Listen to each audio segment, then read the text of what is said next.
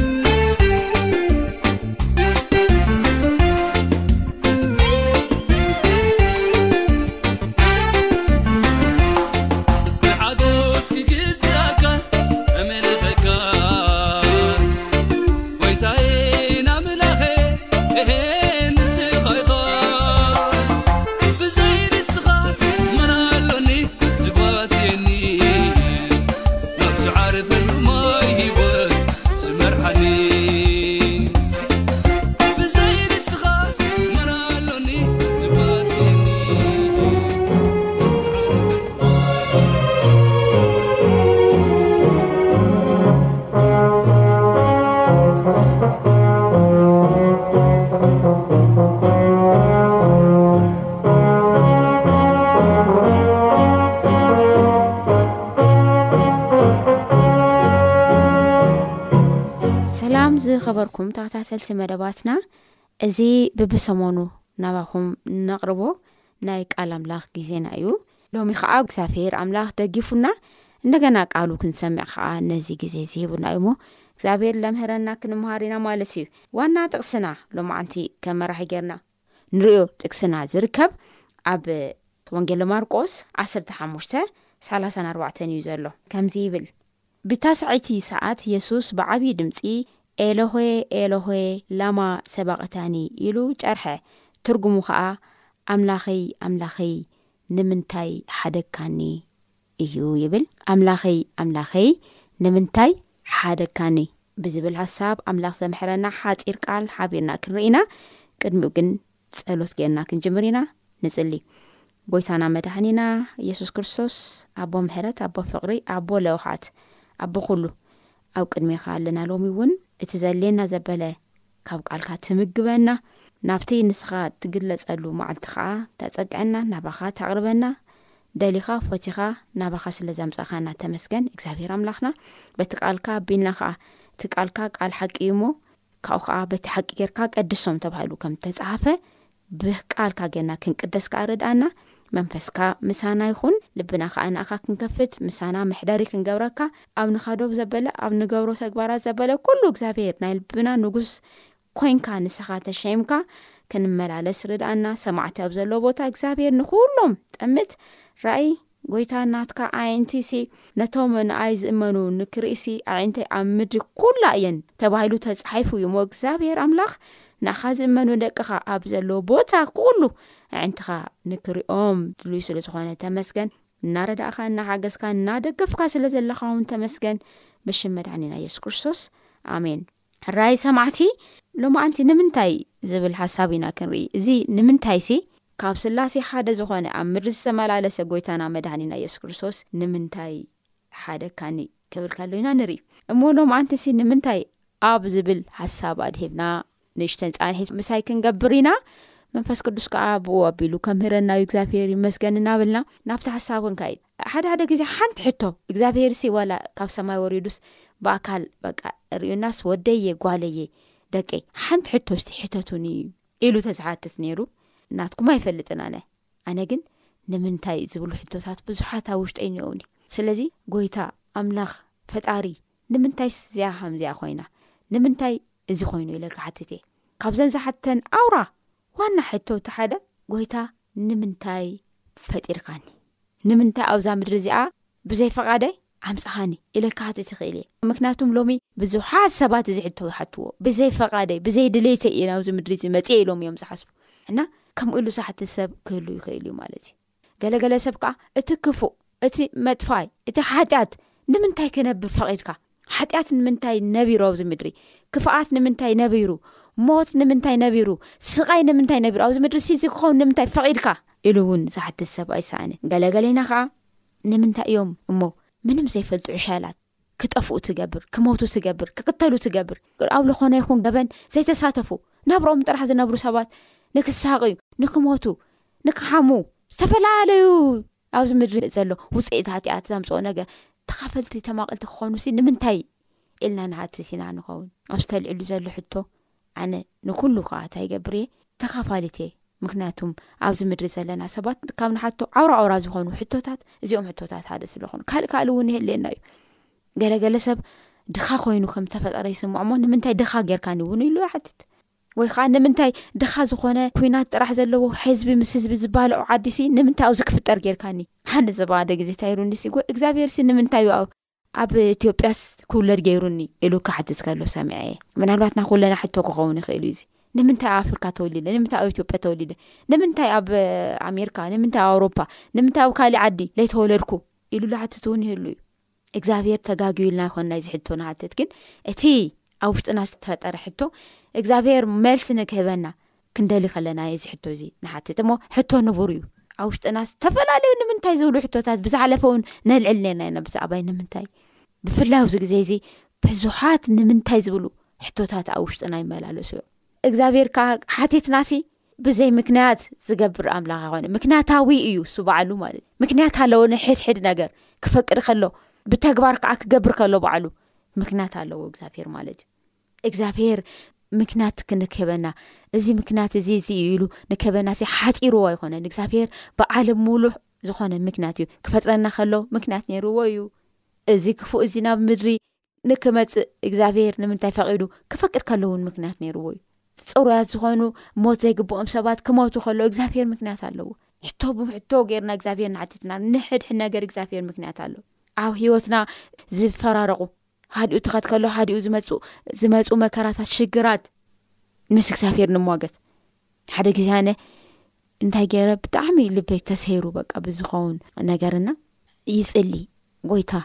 ይብል መልሰለ እዚኣ ነገር እዚኣ እዚኣስ ንምንታይ ኮይና እሞ ካብ ልኾነት ሲ ግን ምዳሓናትካ እዩ ነዚ ነገር እዚ መሊስካ ሲ ኣድህን ይብል እሞ ሓደ ሓደ ግዜ እግዚኣብሄር ከዓ ስቁ እዩ ዝብለካ ማለት እዩ ምክንያቱ እቲ ነገር እሱ ንክኸውን ፈቂዱ ስለ ዘሎ ማለት እዩ ድሓር ንምንታይ ንምንታይ ይብሎም እሞ ሓዘነይ ካርእካ ሲ እሞ እቲ ስቃየይ ካርእካ እቲ ናይ ውሽጢ ዘሎ ነገር እግዚኣብሄር ከሞ ይርእዩ ልብን ኩላሊትን ኩሉ ልምርምር ኣምላኽ እዩ ሓደ ሓደ ግዜ ዕሽነት እየብለና እዩ ሞ ካብታ ኢለ እሞ ራይኒ ኣብ ቅድሜኻ ኢለ ፀሊም ክዳን ተኸዲነ ልኹ ፀሊም ክዳን ተኸዲነ ኮፍ ኢለ ረአየኒ ይብል ኔረ እዚ ግዜ እዚ ይዝክር'የ ካብ የመና ጭንቀት ዝተላዕለ ካብ የመና ፍርሒ ዝተላዕለ ካብ የመና ስቓይ ኣብ ውሽጠይ ካብ ምንባሩ ዝተላዕለ ንእግዚኣብሄር ከምኡ ጌረ ይማገተሉ ዝነበርኩ ግዜ ትዝ ኢሉኒ ኣብ ቀረባ ግዜ እዩ እዚ ዝኾነ ማለት እዩ ግን ጎይታ እዚ እውን ጻዕዲቁ እዩ ደቂ እግዚኣብሄር እግዚኣብሄር እዚ እውን ጻዕዲቁ እዩ እግዚኣብሄር እዚ እውን ሰናይ እዩ ንምንታይ ኢልና ሓቲትናሲ ደጊፉ እዩ ደው ለብለና ኣነ መልሲ ሂቡኒ እዩ ብዝሓለፈ ውን ነጊሩኩም እየ ነዚ መልሲ እዚ እግዛብሄር ክህበኒ ከሎ ልበይ ተጸናኒዑ ልበይ ኣብ እግዛብሄር ደው ኢሉ እቲ ጸሎተይ ውን በዓሉ ሲ ካብ ንምንታይ ሲ እቲ ንስኻ ግብርኻ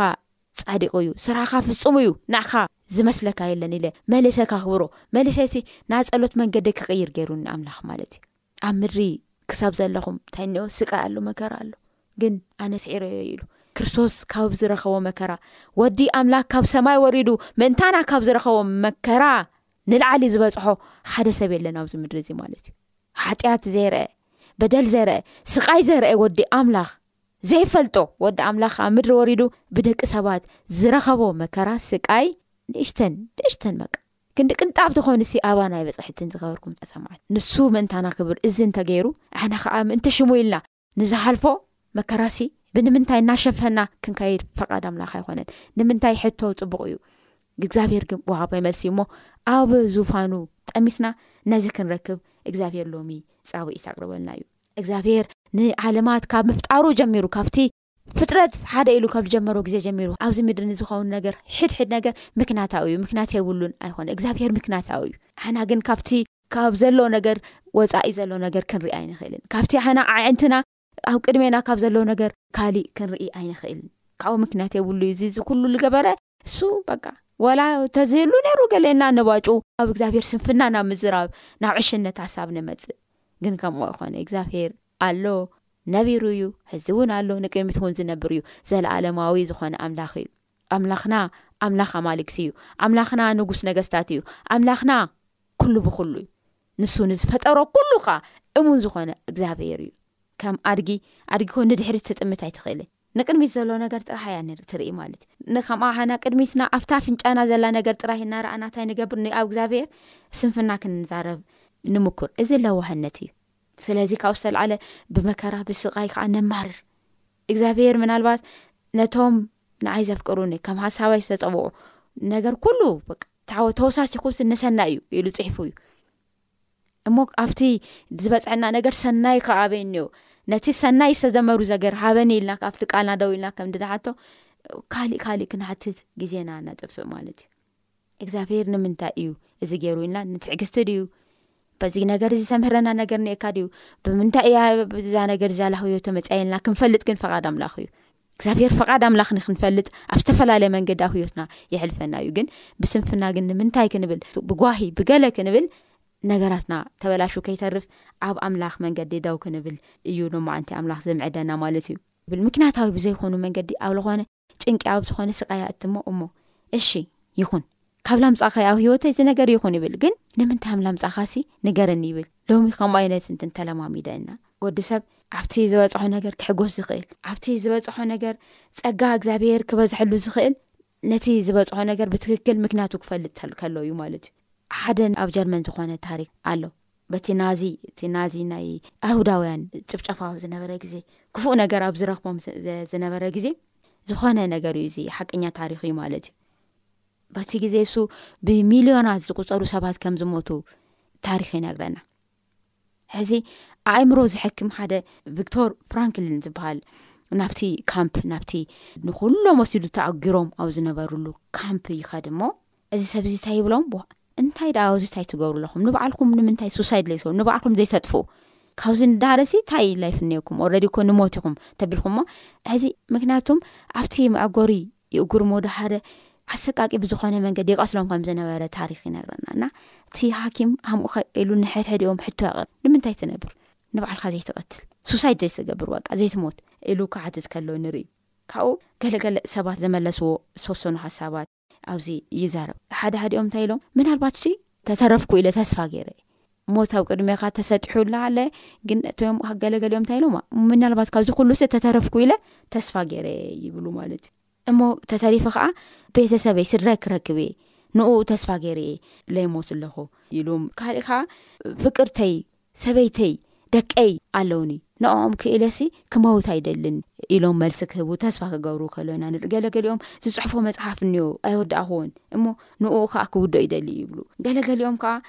ክነብር ይደሊ በቃ ንምንባር ዘለዎም ተስፋ ምጽጽ ኢሉ ከም ዘይተወደአ ንርኢ ንክነብር ምክንያት እየ ዝበልዎም ነገራት ኩሉ ክድድሩ ከሎ ንርኢ ማለት እዩ ገለገሊኦም ከዓ ብትክክል እቲ ስቃይ ዝተረድኦም ብትክክል እቲ ኩነታት ብምንታይ ምክንያት ከም ዝመፀ ዝተረድኦም ሰባት እንታይ ይብሉ እቲ ናይና ናይ ምስቃይ ዋና ምክንያት ሲ ሓና ኣይሁዳውያን ብምዃንና ኢና ስለዚ ኣብቲ ዝመፆም መከራ ዝሐሸ ተስፋ ነይርዎም ኣሁዳዊ ብምዃንና ኢና እዚ ስቃይ እዚ በጺሑና ኢሎም ይሃስቡ ነይሮም ማለት እዩ። ኣሁዳዊነት ሓጢኣት ኣይኾነን። ሎሚ ብመንነትካ ስቃይ ይመጸካ። እግዚኣብሄር ፈጢሩ ንበር ኢሉ ኣብ ለንበረካ መሬት እናነበርካ በቲ ዘለኻዮ መንነት ስቃይ ይመጸካ ማለት እዩ። ግን ዝሐሸ ኣተሓሳሰባ ነይርዎም እዞም ኣይሁድ። ሎሚ ንርኢ ኣለና ኣይሁድ ሀመይ ኣይነት ህይወት ይነብሩ ከም ዘለዉ ማለት እዩ እና ህይወት ከምዚ ብደንቢ ዝተረድኦም ንምንታይ ከም ኣብ ህይወቶም ክነብሮም ደለዎም ተረዲእዎም ዝንቀሳቀሱ ዝነበሩ ሰባት እርግጸኛ እየ ኣብ ህይወቶምሲ ኣይተማረሩን እቲ ንምንታይ ዝብሉ ሕቶሲ ንምንታይ ከም ዝሳቀዩሲ ምክንያቱ ስለ ዝፈለጡ ምሬት ኣብ ህይወቶም ኣሃለፈ ማለት እዩ ተስፋ ከዓ ነይርዎም ካብኡ እዚ ሰብ እዚ ክድምድም ከሎ እቲ እቲ ዶክተር ናብቶም ኣህውዳውያን ሰፈር ኣካይዱ ለበለ ሰብ እንታይ ኢሉ ተስፋ ምቁራጽ ማለት ሲ ብዘይ ትርጉም ምስቃይ ማለት እዩ ይብል ተስፋ ምቁራፅ ማለት ብዘይ ትርጉም ምስቃይ ማለት እዩ ትርጉሙ እንተፈለጥካ ተስፋ ትገብር እዞም ሰባት እዚኦም ናይ ምንባሮም ትርጉም ተረድዎም ንቤተሰብ ተናእሰ እዚ ነገር ተዘይገበርኩ እዚ ተዘይሓልፈኒ ናይ ምንባሮም ትርጉም ስለ ዝተረድኦም ኣብቲ ስቃዮም ተዘይኮነስ ኣብቲ ተስፋኦም ጠሚቶም ክጓዕዙ ከሉ ኢና ንርኢ ኣለናና ኣሕና እውን ኣብ ሂወትና ካብቲ ዝመፀና ነገር ንምንታይ ክንብል ምክንያት ፈሊጥናሲ ብኡኡ ከኣ ተስፋ ሰኒቕና ክንመላለስ እዚ ነገር ይነግረና ማለት እዩ ገለ ገለ ግዜ ግን መከራ ንምንታይ መጽኡ ኢልና መልሲ እውን ከይንረክብ ንኽእል ኢና ዝኸበርኩም ስድራ እግዚኣብሄር ምንታይ ዝብል ሕቶ ሓቲትናሲ መልሲ ከይረኸብና ንተርፈሉ ከይረኸብና ንምንታይ ኢልና ዝሓዝናም ሕቶታት ኣብ ውሽጥና ብዙሓት ክህሉ ይኽእሉ እዮም ግን ወዲ ሰብ ንምንታይ ኢሉ ካብ ምሕታት ንድሕሪት ኣይበለን እታ ንምንታይ ትብል ሕቶ ግን እንተነኣሰ መልሲ እናረኸበላ እንተኸይዱ ግን ኣብ ውሽጡ ምሬት ዝበሃል ነገር ኣይህሉ ማለት እዩ ምክንያቱ ፈሊጡ ኣለዋ ስለዚ ነታ ምክንያት እሳ ክስዕራ ንቅድሚ ትኸድ ማለት እዩ ኣብ ናይ ዳዊት መዙር ሰብዓን ሰለስተን ክርኢ ከለና ኣሳፍ ዝበሃል ዘማራይ እዚ ንምንታይ ዝብል ሕቶ ናብ እግዚኣብሄር ኣቅርቡ ከም ዝነበረ ይነግረና ናይ ረሲኣን መንገዲ ረኣኹ ይብል ከምዚ ይብል ኣብ ሳብኣን ሰለሰን ካብ ሓደ ጀሚርና ስካብ ዓስር ሸውዓተ ዘሎ ስ ከንብብ ቀልጢፈ ከንብብ እየ ብሓቂ ኣምላኽ እስራኤል ነቶም ንጹህ ልቢ ዘለዎም ሰናእ እዩ ኣነ ግና ኣዕጋሬ ሰንከልከል ንምባል ስጉምተይ ንምንድልሃጽ ቀሪበ ነበርኩ ራህዋ ረሲኣን ምስ ረኣኹ ንደፋራት ቀናዕኩሎም ክሳዕ ሞቶም ስቃይ የብሎምን ስግኦም ውን ስቡሕ እዩ እሞ ጸገማ መውተቲ የብሎምን ከም ሰብ ውን ኣይተሰቃዩን ስለዚ ትዕቢት ከም ስልማት ክሳድ ይከቦም ግፍዒ ከም ክዳን ይጉልበቡ ኣዒንቶም ካብ ስብሒ ይወጻ ሓሳባት ልቦም ይግንፍል የላግጹ ብክፍኣቶም ግፍዒ ይዛረቡ ካብ ልዕሊ ይዛረቡ ኣለው ኣፎም ናብ ሰማይ የልዕሉ መላሕሶም ከኣ ኣብ ምድሪ ይመላለስ ስለዚ ህዝቡ ናብዚ ይምለስ ካብኡ ውን ብዙህ ማይ ይስተይ ኣምላክ ከመይ ገይሩ ይፈልጥ ልኡልካ ፍልጠት ዶ ኣለዎ እዩ ይብሉ ኣለው እንሆ ረሲኣን እዚኣቶም እዮም ኩሉ ግዜ ሃዲኦም ኣብቲ ይውስኩ ኣለው ሙሉእ መዓልቲ ተሳቄ ንጎ ንጎ ውን ተሳቄ እየ እሞ እምበኣርሲ ንልበይ ብከንቱ ኣንጽሄ ኣእዳወይ ውን ብንጽህና ሓጺበ ከምኦም ክዛረብ እየ ኢለ እንተዝኸውንሲ ንወለዶ ውሉድካ ምጠለምኩ ነይረ ነዚ ከስትዑል ምስ ሓሰብኩ ናብ መቅደስ ኣምላክ ክሳዕ ዝኣቱ መወዳእታ እውን ክሳዕ ዘሰብህል ኣዝዩ የሸግረኒ ነበር ነዚ ከስትዑል ምስ ዝበልኩ እንታይ ይብል ናብ መቅደስ ኣምላክ ኣተኹ ይብል ማለት እዩ ኣብዚ ማለት እዩ ስለዚ ኣሳፍ ኣብዚ እንታይ ይብሉ ንምንታይ ኣምዚ ኮይኑ እናበለ ኣብ ጥቕኡ ዘለው ርስኣን ዝገበሩ ካብኡ ከዓ ዝተረፈሎም ኩሉ ነገር ምስ ርኣይ ንምንታይ ንምንታይ ካብኡ ግን ቀጥታ ናበይ ካይዱ ናብ መቅደስ ኣምላክ ካይዱ ማለት እዩ ካብኡ እግዚኣብሄር ነቲ ነገር ሓቀኛ ምክንያት ከም ዝገለጸሉ ኢና ንርኢ ማለት እዩ ንሓረድ ድሕሪኡ ብርግጽ ኣብ መንዳል ሓፂ ስፍራ ደው ተብሎም ናብ ጥፋዓት ካ ኣታውድቖም እዚ ዝብሉ ሰባት መወዳእታኦም እንታይ ምዃኑ እግዚኣብሄር ክገልጸሉ ግን ኣብ መቅደስ ካምዝኣተ ኢና ንርኢ ማለት እዩ ስለዚ ሓደሓደ ግዜ ንምንታይ ኢልካ ምጥያቅ ናይ እግዚኣብሔር ስራሕ እግዚኣብሔር ባዓሉ ባዕሉ እግዚኣብሔርን ስርሑን ንኣና ንክገልፅ በሪ ክኸፍተና ይኽእል እዩ ማለት እዩ ከምኡ ኢኖ ዝነግረና ናይ መፅሓፍ እዮብ ክንርኢ ከለና ትንቢት እምባቆም ናይ እምባቆም ብክያት ክንርኢ ከለና ሲ ከም ኣብነት ንወስዶም እዮም እዚኦም ማለት እዩ እሞ ንምንታይ ኢልና ንጠይቅ ዝከበርኩን ስድራ እግዚኣብሔር እቲ ምክንያት ከዓ ኣምላኽ ክገልፀልና ኩሉ ሻዕ ኣብ ቅድሚኡ ንፅና እዚ ክንገብር ከለና ግን ዘለኣለም ዘይተፈትሑ ንምንታይ ዝብሉ ሕቶታት ኣብ ውሽጥና ከም ዘሎ እውን ልቢ ክንብል ይግባኣና ማለት እዩ ክነሰብህል ይግባኣና ማለት እዩ ካሊእ ካሊእ ግዜ ከዓ ንምንታይ ኢልና ንሓትለሉ ንሓተሉ ምክንያት ከዓ እቲ ነገራት ክንገብረሉ ካብ ዘለና ኣንፈት ርኢና ከዓ ንምንታይ ኢልና ንሓትት ኢና ንኣብነት ንምንታይ ይምሃር ንምንታይ ምህር ንምንታይ እሰብኽ ንምንታይ እምርዖው ንምንታይ ከምዚ እና ከምዚ ንምንታይ ኢልና ተግባራትና ኣብ ቅድሜና ንገብር ማለት እዩ ሓደ ነገር ንምንታይ ከም ንገብር እንድሕር ብትክክል ብንፁር ተረዲኡና ማለት እዩ እቲ መንገዲ ኣይጠፈአናን ማለት እዩ ስለዚ ንምንታይ ዘይገብር ኢልና ነቲ ተግባራዊ ንገሩ ነገር መልሲ እንተዘረኪብና ሎሚ ምድሪ ክንሪኢ ከለና ዝከበርኩም ሰማዕቲ ሰብሲ እቲ ዝገብሮ ነገር ንምንታይ ከም ንገብሮ ሪዝን የብሉ ውፅኢቱ ሳይርኢ ምናልባት ዓርኩ ስለ ዝገበሮ፣ ወለዱ ስለ ዝገበርዎ፣ ቤተሰቡ ስለ ዝገበርዎ፣ ዝመርሖ መንግስቲ ስለ ዝገበሮ፣ ምክንያታዊ ብዘይኮነ መንገዲ ሰባት ይጓዓዙ እዮም ዘለዉ። ሕና ግን ሎሚ እግዚኣብሄር ዝብለና ነገር እቲ ንገሮ ሕድ ሕድ ነገር ንምንታይ ኢና ንገሮ ዘለና ንምንታይ እየ ስራሕ ይሰርሕ ዘለኹ ንምንታይ እየ ይመሃር ዘለኹ